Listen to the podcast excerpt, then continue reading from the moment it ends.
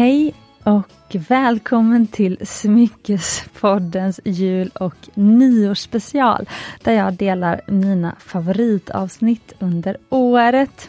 Och idag har turen kommit till avsnitt nummer 12.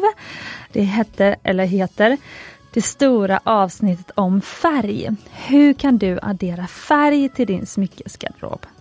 Och av de solavsnitt som jag har spelat in under året så är nog faktiskt det här mitt kanske allra favoritavsnitt.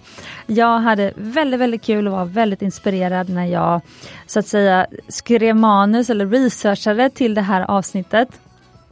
Det är ett långt härligt avsnitt. Jag tog inspiration från hur man bygger upp liksom färgkombinationer inom inredning och får ett rum att bli harmoniskt. Och så relaterade jag det till Eh, även hur man får en liksom, kombination av smycken och ädelstenar som man bär på kroppen till att också bli harmoniskt. För många tänker att ja, men, om, det ska bli, om det inte ska sticka ut för mycket, då vill jag helst ha vita diamanter, kanske svarta diamanter om jag är riktigt vågad. Och så kanske någon champagne eller något brunt. Men färg är ju så mycket mer. Och beroende på hur du kombinerar de här färgerna och vilka färger du väljer att liksom ha som bas, så kan du faktiskt sen addera nästan vilka färger som helst. Och hemligheten till att få det att bli harmoniskt och personligt, det delar jag i det här avsnittet. Jag går igenom hur man kombinerar färger på ett harmoniskt sätt, hur du ska veta vilken färg du ska börja med och vilka färger det faktiskt finns på de olika ädelstenarna. Det är kanske något som man kanske inte riktigt vet. Och så ger jag dig mina fyra allra bästa tips för hur du kan addera färg till just din smyckesgarderob. Jag hoppas att du får massa härlig inspiration här och att du vågar gå all in på färg. Snart går vi mot ljusare tider också och då vill man väl ha en äkta härlig färgädelsten, tycker ni inte det? Ja, med de orden så säger jag god lyssning!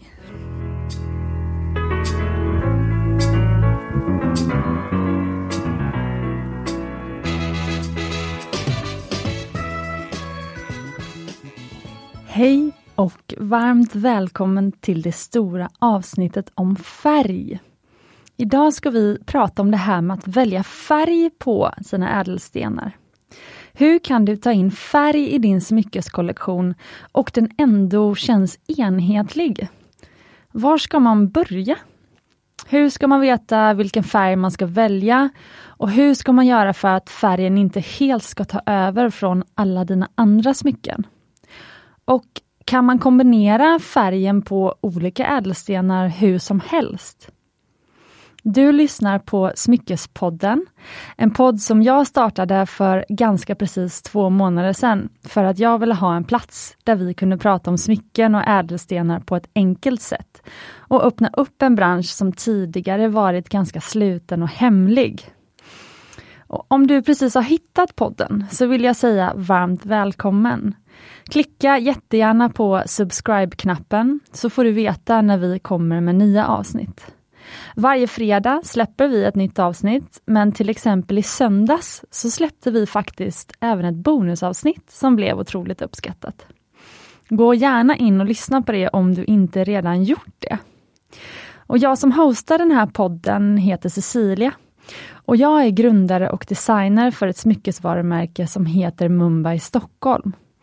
Och jag älskar ädelstenar. Och det vet jag att många av er som lyssnar också gör. Men utmaningen med ädelstenar är ju just det faktum att man ska bära dem. Och det innebär ju att man kan behöva tänka till lite. Hur ska man välja ädelstenar så att de passar med det mesta annat man har i sin garderob och man känner sig fin och inte utklädd i dem? Utan att hamna i det där tråkiga mellanmjölkslandet där hela en smyckeskollektion består av vita diamanter med inslag av champagne eller svart om man är riktigt modig. Och så eventuellt en mörkt blå Safirring som man ärvt av gammelmormor.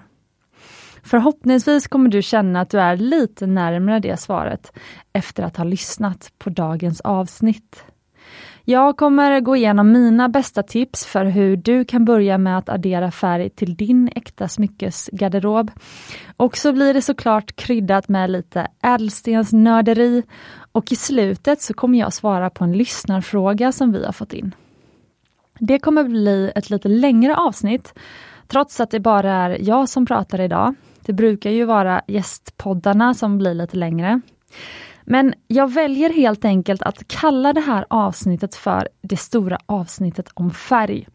Och så täcker vi ganska mycket idag.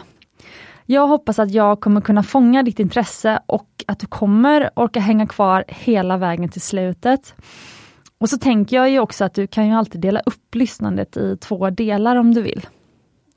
Sen vill jag också påminna dig om att om du vill så kan du titta på beskrivningen av avsnittet i din podcastspelare. För då kan du se ungefär vilken minut in i podden som vi pratar om vad. Och så kan du scrolla fram direkt till de liksom delar som du vill höra igen. Och nu bara, innan vi dyker ner i den här härliga världen av färg, så vill jag ge ett tips. Om du är helt ny på äkta smycken, kanske aldrig har sett en vacker ädelsten i liksom verkliga livet, så tycker jag att du ska gå ut idag och bara titta i skyltfönstren till de butiker som säljer gamla äkta smycken. Bor du i Stockholm så kan du till exempel gå och kolla i skyltfönstret på Kaplans på Biblioteksgatan. Och då kommer du se den här magin som vi kommer prata om i just det här avsnittet. Och varför jag rekommenderar att göra det just i vintersbutiker, alltså gå och kolla i fönstren till dem, det är för att i gamla smycken så använder man ofta ganska stora ädelstenar. I alla fall så är det ju de som sen ofta har ett stort värde och kan säljas vidare. Så har du inte tillgång till en stenhandlare eller guldsmed som kan visa dig hur riktigt stora färgglada nyslipade ädelstenar kan se ut. Det kan du också göra i vårt showroom såklart. Men då är just gamla smyckesvintagebutiker ett enkelt knep. Men nu kör vi igång!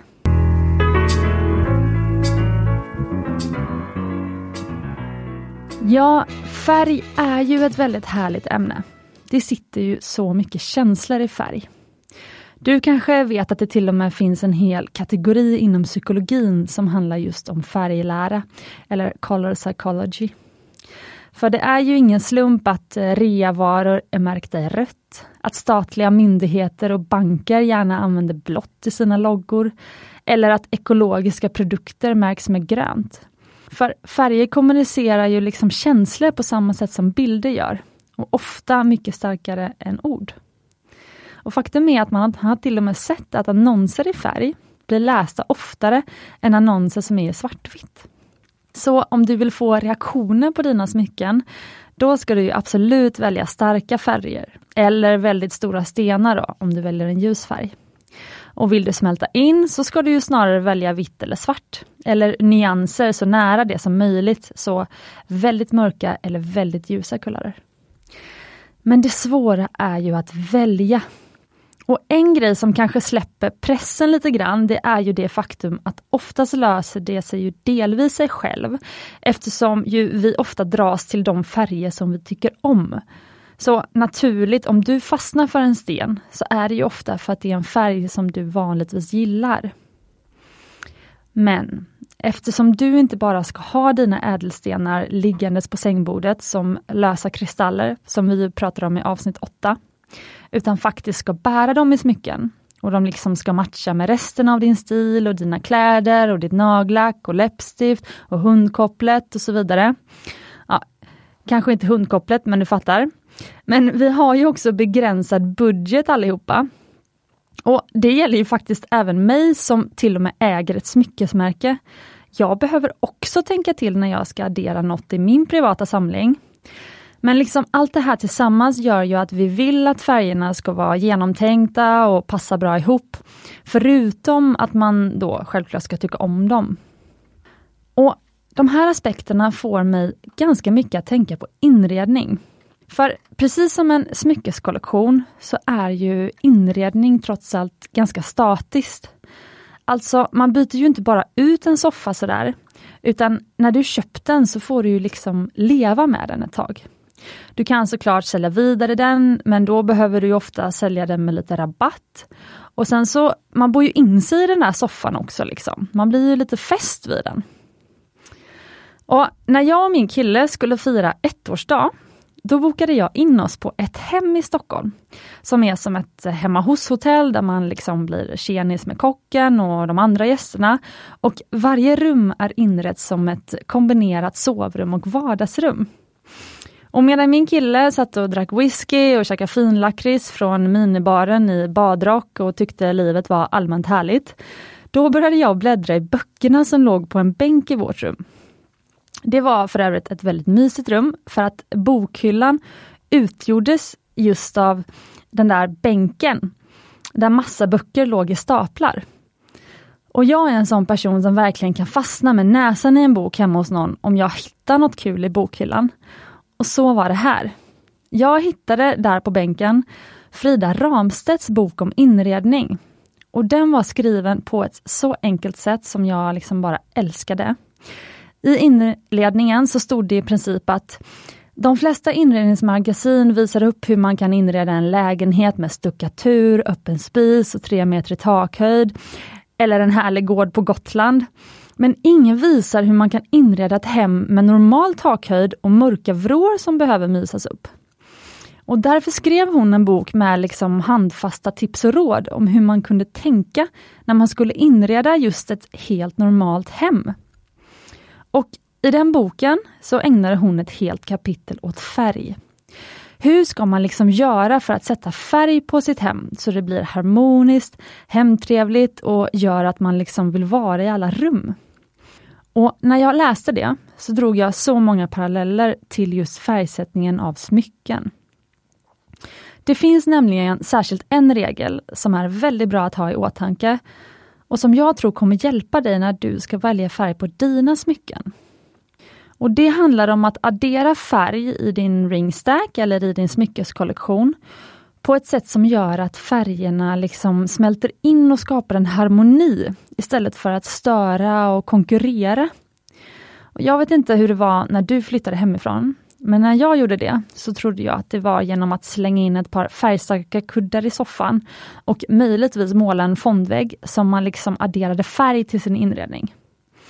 Men ganska snart så märker man att det räckte ju liksom inte. Det blev ändå inte riktigt hemtrevligt. Och de där färgstarka kuddarna sticker liksom ut för mycket och till slut plockar man bort dem för man inte orkar se dem. Lite som om du kanske har största delen av din smyckeskollektion i guld och vita diamanter och plötsligt får du ryck och klickar hem en lila Safirring på auktion. Och sen undrar du hur du ska passa in den i din nuvarande kollektion för varje gång du tar på dig den lila Safirringen så tar den liksom över från alla dina andra smycken. Och lösningen på både vardagsrummet och smyckeskollektionen är egentligen ganska enkel. Det behövs helt enkelt fler nyanser för att brygga kontrasten mellan den starka färgen och den neutrala basen. Och Det här fenomenet har formats till en numera ganska känd formel som kallas för 60-30-10-regeln. Och i inredning så kan den till exempel se ut så här. I ett vardagsrum så utgörs 60% av rummet av stora saker som väggar, golv, kanske soffa och andra större möbler. Och På de här ska du välja en till två huvudfärger som du håller dig till. Sen utgörs 30% av kanske en matta eller en fondvägg, gardiner, en pall, kanske en mindre fåtölj. Och På de här ska du välja harmoniserande färger som är nära i nyans med dina en eller två huvudfärger. Och De har till uppgift att just lyfta huvudfärgen. Och De sista 10 procenten utgörs av till exempel tavlor, kuddar och prydnadssaker. Och här kan du krydda med en eller två tydliga kontrastfärger. Gör du så här så har du mycket lättare för att skapa balans och harmoni mellan färgerna och rummet blir mycket mer behagligt. Och Det är också därför det kan vara bra att ha en bruten vit istället för en kritvit färg på väggarna. För det hjälper till att harmoniera med nästa färg du lägger till så liksom kontrasten blir mindre. Men om du vill skapa då en färgglad smyckesamling som ser harmonisk ut och där allt, där allt passar ihop, då tycker jag att samma formel funkar himla bra. För faktum är att när jag tänker på min egen liksom, smyckesgarderob så är det nästan precis så som den är uppbyggd. Och Då kan det se ut så här till exempel. Om du valt att ha, en, att ha vitt som din huvudfärg, då ska 60% av dina smycken ha vita stenar. Du kan även välja en till huvudfärg, så vi säger att vi går för champagne. Så då består alltså 60% av din smyckesgarderob för eh, vitt och champagne. Sen ska ju då 30% vara nyanser som just harmonierar och lyfter upp vitt och champagne, som inte tar ifrån. De ska vara komplementfärger. Och om vi börjar med vitt, vad harmonierar med vitt? Jo, alla färger som har mycket vitt i sig, vilket är precis alla ljusa färger.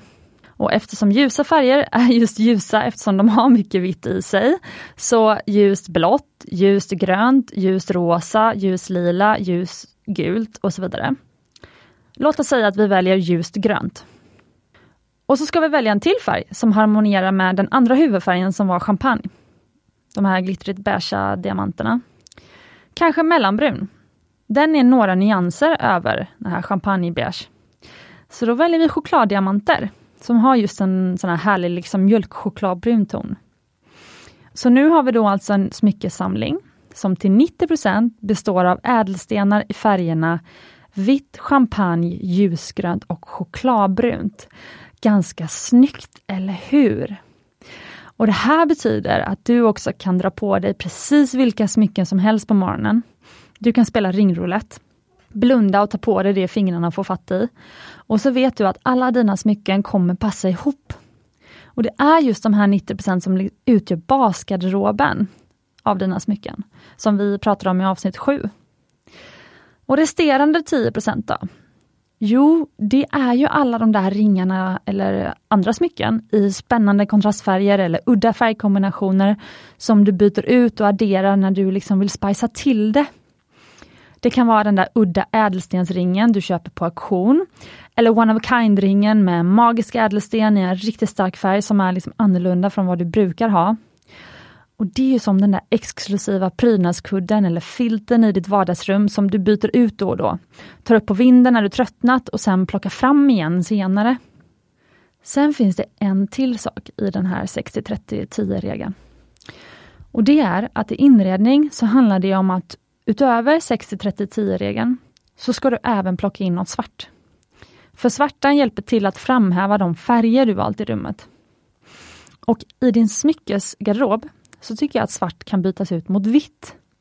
Till alla kunder som jag hjälper att kombinera ringar, så brukar jag säga att du alltid ska ha något vitt i din stack. Så om inte vitt redan är bland färgerna du valt, så tycker jag du borde lägga till något just vitt för att liksom binda ihop allt. Till exempel om din huvudfärg är blå och du nyanserar med mörkt lila och djup skogs, skogsgrön. Grönt och lila är ju båda liksom nära besläktade med blått. Eh, då tycker jag att det är viktigt att du lägger till kanske några vita stenar, men om de är väldigt mörka färgerna så kan du också köra som inredningen sa med svart. Men någon av de här. Och Fun fact är att det var precis med den där lilla vita detaljen i åtanke som jag designade våra evighetsringar för flera år sedan. För då la jag till en enda liten gömd diamant i dem så av de 52 stenar, det beror lite på vilken ringstorlek det är, men för mig som har storlek 17-25, då är det 52 stenar. Men av de 52 stenarna som går runt hela ringen så är det en som är en vit diamant. Och det är helt enkelt för att den diamanten tar fram resten av de 51 stenarna som kanske är i blått, champagne eller grönt. Vitt liksom gnistrar och lyser upp och framhäver alla andra färger, tycker jag. Men nu har vi kommit in på det som handlar om att välja färg. Var ska du börja? Ett sätt att tänka är genom naturen. Vilka färgkombinationer hittar du naturligt där? Jo, brunt, grönt och blått. Jord, växter, himmel och hav. Och De här färgerna är de som ofta direkt känns naturliga och som man liksom gillar. Och det kanske är därför som den mest populära färgsättningen av vår trestensring Edith är just i färgkombinationen ljusbrunt och olivgrönt, förutom vitt. Då. Champagnediamanter och olivgröna safirer som löven och trädgrenar. Och Detta leder oss in på nästa, om du inte riktigt vet var du ska börja, som är att tänka på vilka som är de neutrala färgerna. För de neutrala färgerna går att kombinera både med varandra och med alla andra färger utan att de skär sig. Och De neutrala färgerna brukar man säga är svart, vitt, beige, blått, grått och militärgrönt. Därför brukar man också säga att om du har ett hem som just nu går i till exempel mycket vitt och beige, så är de första färgerna du bör lägga till, till exempel grönt i form av gröna växter och brunt som i omålade trämöbler. Eftersom de här också är neutrala färger som naturligt kommer smälta in. Ett tredje sätt att tänka är genom att göra en egen färganalys i spegeln, eftersom du trots allt ska bära smyckena på dig. Då kan du titta på kombinationen av din hår, hud och ögonfärg. Men du kan ju även öppna din garderob och se vad du hittar för färger där, i din sminkväska, i ditt nagellacksförråd. Har du några färger som är genomgående, som en röd eller ja, en rosa tråd kanske? Ett fjärde sätt, och det här är det sista för nu, det är att titta på färgpsykologi, på färgernas betydelse. Och Det har att göra med de associationer vi gör till varje färg och vad de liksom omedvetet ger oss för känsla. Och Det här är väldigt välkänt inom marknadsföring och varumärkesbyggande. Till exempel är det känt att eh, McDonalds har valt rött och gult i sin inredning och på menyerna för att de färgerna ökar aptiten. Men jag tycker att då kan man lika gärna ligga steget före och bestämma själv vilka färger man vill omge sig med i sitt liv. Till exempel genom sin inredning eller i sin smyckesgarderob. Och exakt vilka känslor som man associerar till vilken färg, det kan ju skilja sig mellan dig och mig. Och vad vi har för erfarenheter med oss i bagaget. Men jag tänkte att vi kan gå igenom generellt varje färg för, var för sig inom färgpsykologin. Och så kan du se lite vilken du känner igen dig i. Och medan vi gör det så tänkte jag också att jag kommer rada upp vilka ädelstenar som finns att välja på i varje färg. Finns det till exempel röda rubin, eh, förlåt, gröna rubiner som en lyssnare frågade om? Det kommer du få reda på nu. Vi börjar med vitt. Vitt står för renlighet, harmoni och oskuldsfullhet. Det är ärlighetens färg. Färgen för fred och frihet. Och vitt är basen som alla andra färger vilar på. Ädelstenar i vitt är topas, diamant, vit safir, bergskristall och så den organiska ädelstenen pärla. Svart, färgen för styrka, elegans och kraftfullhet. Svart är färgen som behövs i alla andra färger för att ge dem djup. Svart kan också vara färgen som släpper på aggression och rädsla. Ädelstenar i svart är till exempel svart diamant, svart spinell, svart turmalin och onyx. Brunt. Brunt är färgen som inger lugn, stabilitet och trygghet. Den är jordnära och grundande. Men brunt är också färgen för uthållighet och fertilitet. Och brunt står även enligt färgpsykologi för maskulinitet. Ädelstenar i brunt är till exempel olika nyanser av diamanter som champagne, kaffe och choklad. Rökkvarts och så den organiska ädelstenen bärnsten. Beige, eller beige beroende på om man är i Stockholm eller Göteborg. beige eller beige är färgen som inger lugn och ro. Det är färgen som neutraliserar. Man säger att beige är färgen som nollställer till ett positivt utgångsläge. Beige i ädelstenar kallar jag för champagne. Och ädelstenar i beige eller champagne är till exempel champagnediamant, champagnemorganit eller champagnetopas. Grått Grått, precis som beige, är en färg som neutraliserar andra färger och skapar en känsla av lugn och ro, stabilitet och trygghet. Och Det är lite klurigt att hitta ädelstenar i en grå ton. Det finns grå diamanter och eh, jag har faktiskt själv använt det i smycken. Sen finns det även stålgrå eller blågrå spineller som är mörkare. Och så finns det såklart grå pärlor. Rosa. Rosa står för ungdomlighet, oskyldighet och lekfullhet. Det är färgen som symboliserar kärlek och medkänsla. Och om brun stod för maskulinitet inom färgpsykologin så står rosa för femininitet. Och kanske därför det är så fint tycker jag att matcha ljusbrun och ljusrosa. Rosa står även för hoppet. Ädelstenar i rosa är till exempel Safir. Där har du alla nyanser från ljusljus till hot pink eller knallrosa. Morganit, ljusrosa. Turmalin, oftast då knallrosa. Spinell, det är rosa med lite mer stålgrå undertoner. Opal, korall och även rodolitgranat som har en mörkt rosa ton. Grönt. Det sägs att grönt är färgen som är lättast för människor att tycka om. Vilket inte är så konstigt eftersom den signalerar lugn, harmoni och det är också därför man rekommenderar svaga färger av grönt på sjukhus.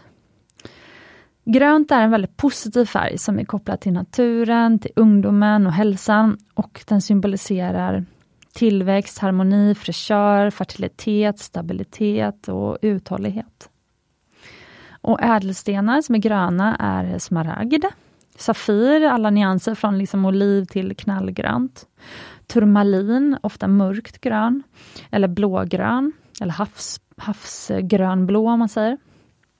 Sen finns det Peridot, som är en eh, ja, men väldigt knallig grön. Och så Chrysoberyl som är en grön eh, som har väldigt mycket gult i sig.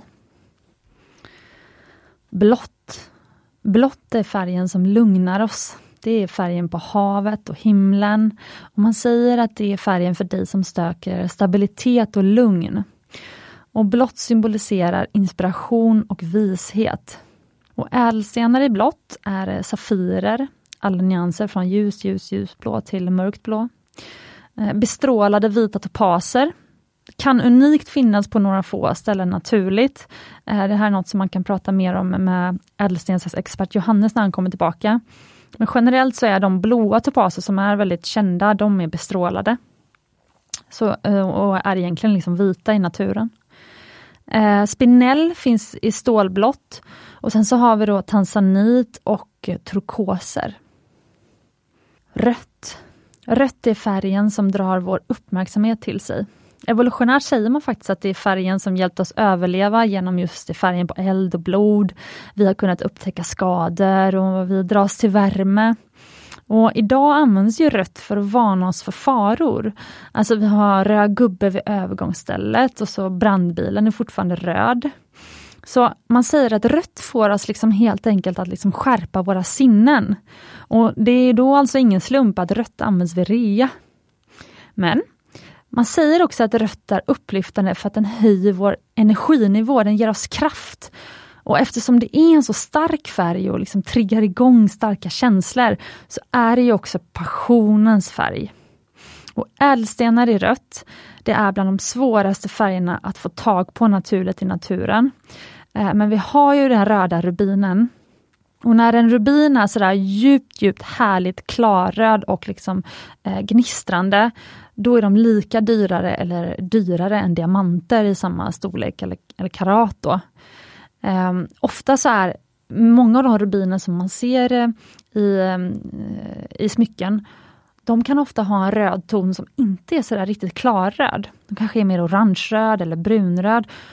Och det är oftast lite billigare rubiner som inte har den här liksom djupt, djupt liksom perfekt röda färgen.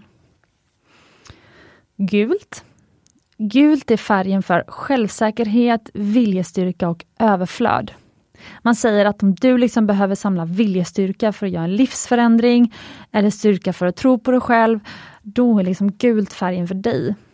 Och Det är färgen för optimism och mod. Och Ädelstenar i gult är till exempel Safir, alla nyanser, från ljus till eh, liksom verkligen djupt gul. Vi har citrinen, heliodoren och så vissa diamanter. Sista färgen, lila. Lila är en djup färg som dels associeras med spiritualitet, mystik och fantasi och kreativitet. Men det är också färgen för mod, kunglighet, ädelhet och välstånd. Och ädelstenar i lila är till exempel safirer, finns supersöta små lavendelsafirer.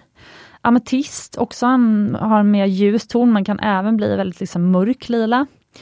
Tanzanit är lite blålila, vissa tanzaniter, och så har vi spinellen som ofta har en mörkt lila ton.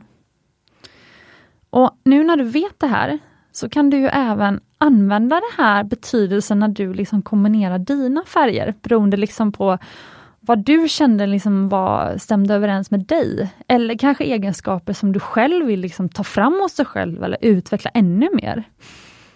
Och I början av året så hade vi en online-aktion med smycken där vi hade kombinerat svarta och gröna ädelstenar för att de skulle symbolisera styrka och hälsa för det nya året.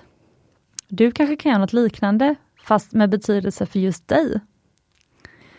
Och Det intressanta med färg är även att kemiskt, så som liksom vi uppfattar färger i naturen, så är det just genom energier.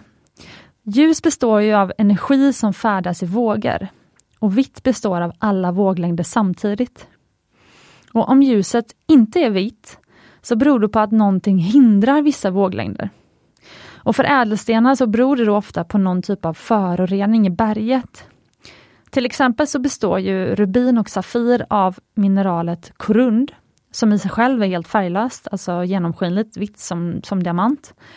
Men rubin får då sin röda färg på grund av att det har smugit sig in krom i korunden. Och därför upplever vi rubinen som röd. Men om korunden utsätts för något annat grundämne så blir den till exempel blå, grön eller gul beroende på. Och alla de här färgerna som inte är röd av korunden, de kallas helt enkelt då för Safir. Så på frågan om det finns gröna rubiner så finns det helt enkelt inte det.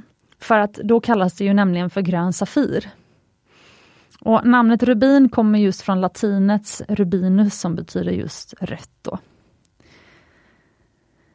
Och rött ljus är för övrigt den av alla färger som har allra högst energi. Men det är egentligen så här som de allra flesta ädelstenar får sina färger. Och jag tänker att vi ska inte bli för nördiga med, om just liksom ädelstenarna i det här avsnittet. Men det kan vara kul att veta lite grann, så kanske ni också kommer på roliga frågor till Johannes när han kommer tillbaka om ett par veckor. Eh, men jag kan bara dela att förutom krom så kan grundämnen som påverkar färgen på liksom vilken färg ädelstenen får i berget. Det kan vara till exempel koppar, nickel, järn, mangan, titan och så vidare.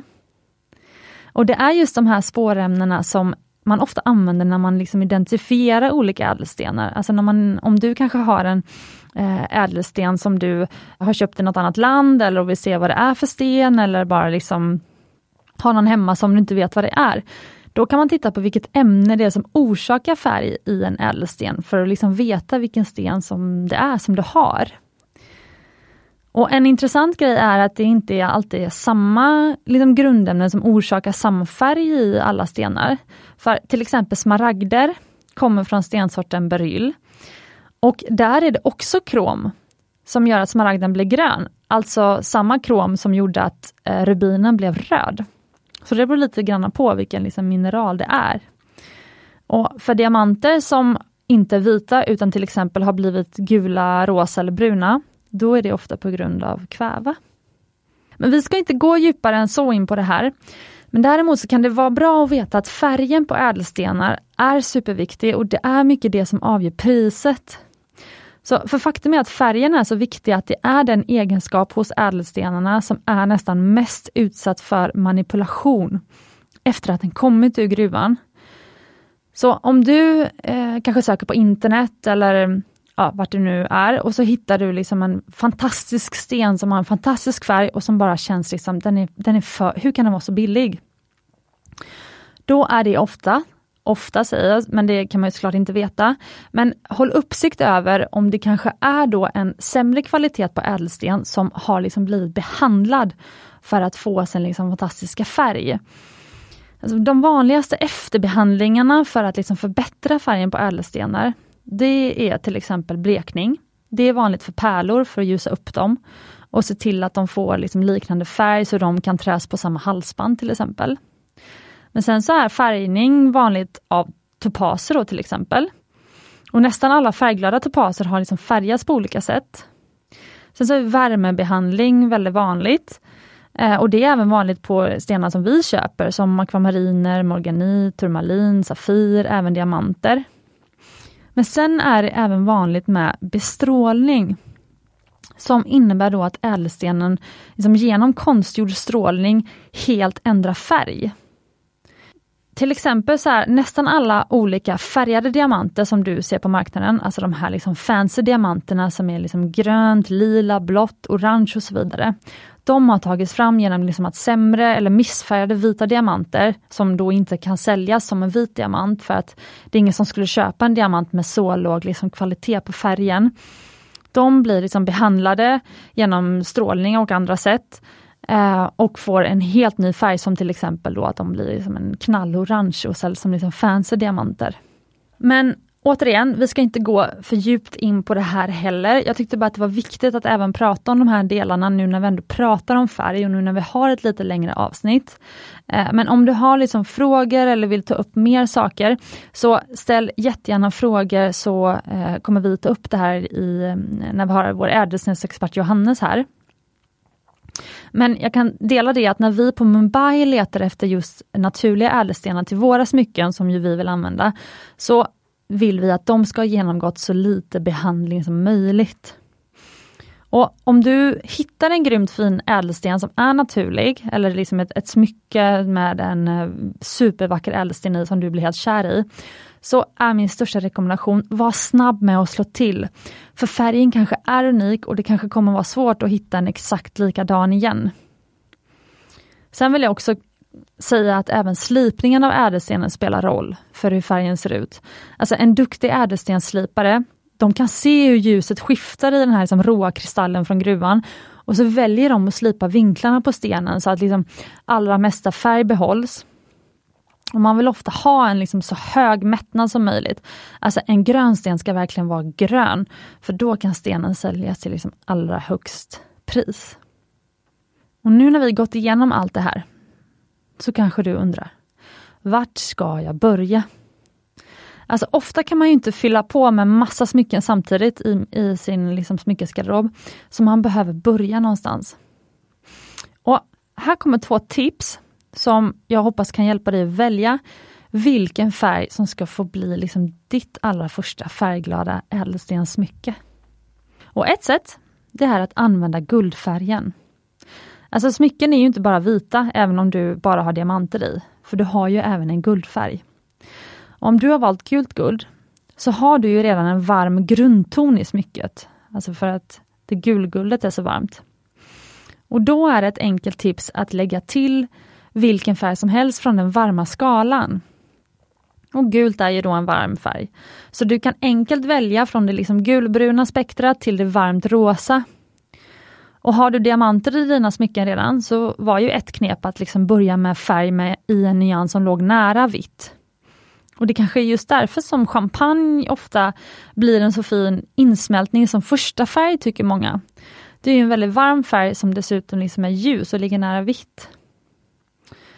Har du istället vitguld och diamanter så är det istället en kall färg som skulle kunna vara en idé att börja med. Och då är blått perfekt, som, som i grunden är, är en kall färg. Eller en kall grön. Men du kan även välja varma nyanser av blått eller grönt till din gulguldsring. Till exempel varmt olivgrönt eller liksom varmt kungsblått. Sen rött och rosa, det tycker jag faktiskt är en färg som liksom passar lika bra till vitt guld som till, julguld, som till gult guld som liksom, eh, första färgring. För rött och rosa har ofta liksom en tendens att liksom gå åt det hållet, alltså mot varmt eller mot kallt beroende liksom på vad det matchas med. Sen ett annat knep, det är det som vi pratade om tidigare. Och det är att börja med någon av de tre huvudfärgerna i naturen grönt, blått och brunt. Vilket faktiskt är vad just liksom många av våra kunder omedvetet gör.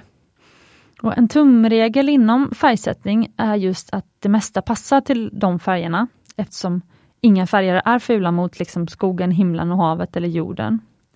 Så om du börjar med någon av de här tre färgerna så kan du alltså vara säker på att det mesta annat som du kommer lägga till i framtiden, både i smyckesväg, men även de flesta nagellack, kläder, färg på läppstift och så vidare. De kommer passa till. Och du kommer ha väldigt svårt att tröttna eller liksom känna att du liksom misslyckas med din färgsättning om du väljer liksom grönt, blått eller brunt. Och vilken nyans som du väljer av de här färgerna, blått, eh, grönt eller, eller brunt, det styrs lite av vilka ädelstenar som du redan har eller vill kombinera med.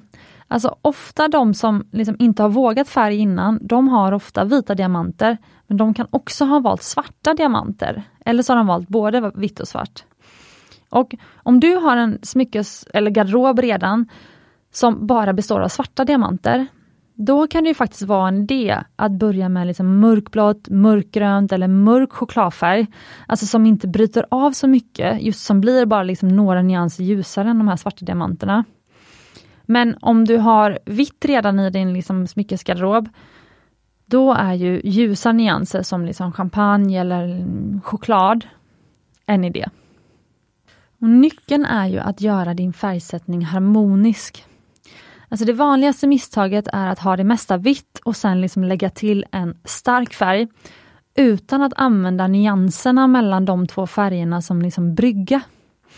Alltså om du vill bjuda hem den där lila och gröna ringen på auktion, alltså fundera på om du kan lägga till något i din kollektion som också har just grönt eller eh, kanske ljus lila i sig, som kan liksom brygga mellan din färgstarka auktionsring och resten av liksom smyckeskollektionen. Och här tänkte jag faktiskt att det passar att svara på en lyssnarfråga. För helgen fick vi en fråga från en tjej som undrade hur hon bäst ska liksom kombinera sin trestensring som hon redan har. För hon har en trestensring som är lik vår Edith, men som kommer från ett, eh, ett annat märke eller, eller guldsmed, jag är inte säker på, på vilket. Men nu tittar hon på en böjd ring med små ädelstenar i, i bandet att stacka ovanpå. Och hon undrar hur hon ska tänka om hon vill liksom lägga till färgglada ädelstenar i den här böjda ringen som hon ska ha ovanpå eh, sin trestensring. Men utan att det tar över från hennes trestensring som liksom just nu bara har vita ädelstenar i sig. Det är som tre diamanter på rad där. Och mitt bästa tips här, det är att lägga till ädelstenar i bandet på den här stackingringen. Men majoriteten av de stenarna som är även i den böjda stackingringen är fortfarande vita. Så till exempel om hon vill ha sju ädelstenar i det här stackingbandet, så bör max tre stycken vara i en annan färg. Och ju, ju liksom färre färgade stenar hon använder, alltså om man använder bara två eller en, då kommer det vara mindre kontrast. Och ju närmre vit nyans, alltså ju ljusare de här liksom stenarna är som hon väljer att ska vara i färg, eh, desto mindre kontrast blir det också till liksom hennes trestensring. Men vill hon ha mer kontrast så kan hon lägga till antingen eh, fler stenar eller liksom starkare färger. Och Jag hoppas att det här svaret kommer hjälpa dig att välja lite på vägen, du som ställer den här frågan. Och jag tänkte avsluta med att ge mina fyra bästa snabba tips för att addera färg till just din smyckesgarderob. Nummer ett. Vill du få reaktioner på dina smycken, välj en färg.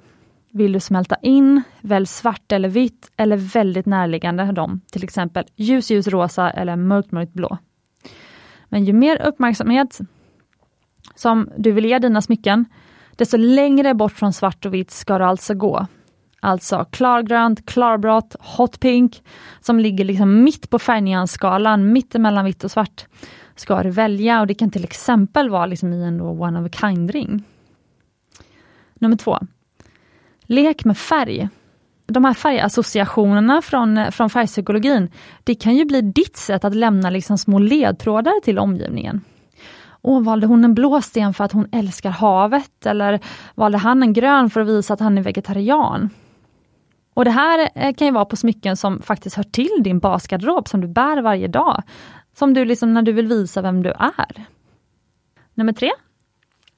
Använd färg som ett sätt att styra vart du vill att folk ska titta. Alltså om du vill att uppmärksamheten ska dras till din coola powerring istället för dina sönderbitna eller avbrutna naglar. Välj en färgstark sten på din powerring och ett neutralt nagellack. Om du istället vill framhäva din manikyr, så välj liksom neutrala guldringar med stenar i vitt, champagne och ljusa färger och ett riktigt färgstarkt nagellack. Nummer fyra. Ha en riktigt bra bas i din smyckesgarderob. Använd gärna 60-30-10-regeln när du liksom bygger din eh, färgskalan i din basgarderob av smycken. Och sen kommer då de där 10% de starka kontrastfärgerna du lägger till i form av till exempel speciella one of a kind-ringar. Då kommer de att passa till nästan allt. Just för att basen redan harmonierar så bra. Och jag hoppas att du tycker att det här fullmatade avsnittet var lika spännande som jag tycker att det är. Det blev ett långt avsnitt, men jag hoppas att du delade upp det i flera delar om det behövdes och att du känner att det var mycket saker som vi pratat om som du kan ta med dig när du ska fortsätta bygga din smyckesamling. För ju mer du vet, desto bättre kunskap har du till att investera i dina egna härliga färgglada ädelstenar. Och om du inte vet om du kommer gilla att bära färg på smycken, då tycker jag att ett himla bra tips är att börja med att köpa dina första på till exempel auktion eller vintersbutik. Alltså dina första liksom färg, färgringar, för att veta om du kommer gilla det. Och Då får du ofta lite udda smycken men till ett liksom väldigt bra pris. Och du kan ju då även sälja vidare sen om du vill. För många tror att färgädelstenssmycken bara vara mycket billigare eftersom liksom det inte är diamanter. Men så är faktiskt ofta inte fallet. För ofta är tillgången på vackra ädelstenar lägre än på diamanter. Eftersom dels kan det vara en unik färg som kommer till av förhållanden, alltså i en specifik gruva. Men det är också så liksom att leverantörskedjan inte är lika väl utvecklad för färgädelstenar. Och tro mig, det här har vi på Mumbai väldigt stor erfarenhet av. Men Så det är mycket mer ett detektivarbete för handlarna än det är när man letar fina diamanter. För fina diamanter är liksom relativt lätt att hitta. Så ofta kostar färgädelstenssmycken av liksom hög kvalitet nästan, nästan lika mycket eller lika mycket som liksom motsvarande smycke fast med diamanter. Och då kan det ju vara bra att verkligen ha provat innan hur känns det att bära färg eller just den här färgen. Och Du kan ju även fråga om du får bära liksom din mammas smycken en dag när du är hemma och hälsar på. Du kan ju gå runt med hennes liksom coola ringar på fingret för att liksom bara känna hur det känns. Och när du bestämt dig för att köpa ett härligt smycke, glöm inte att du kan alltid lyssna på avsnitt två för tips om vad du kan tänka på när du liksom lär känna din stil.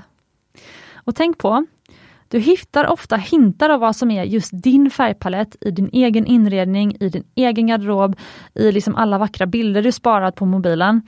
Och bland de färger som omedelbart liksom talar till dig. Stort tack för att du varit med mig genom hela det här avsnittet och jag önskar dig stort lycka till. Och om du vill dela din färgresa med mig så kom ihåg att du kan alltid skriva till mig på Instagram där jag heter The Jewelry Designer eller på Smyckespoddens egen Instagram, Smyckespodden. Och om du tycker att jag delar bra tips i Smyckespodden så får du jättegärna ge tillbaka genom att dela några stjärnor i din podcastspelare till Smyckespodden. Och kom ihåg, du är värd äkta smycken.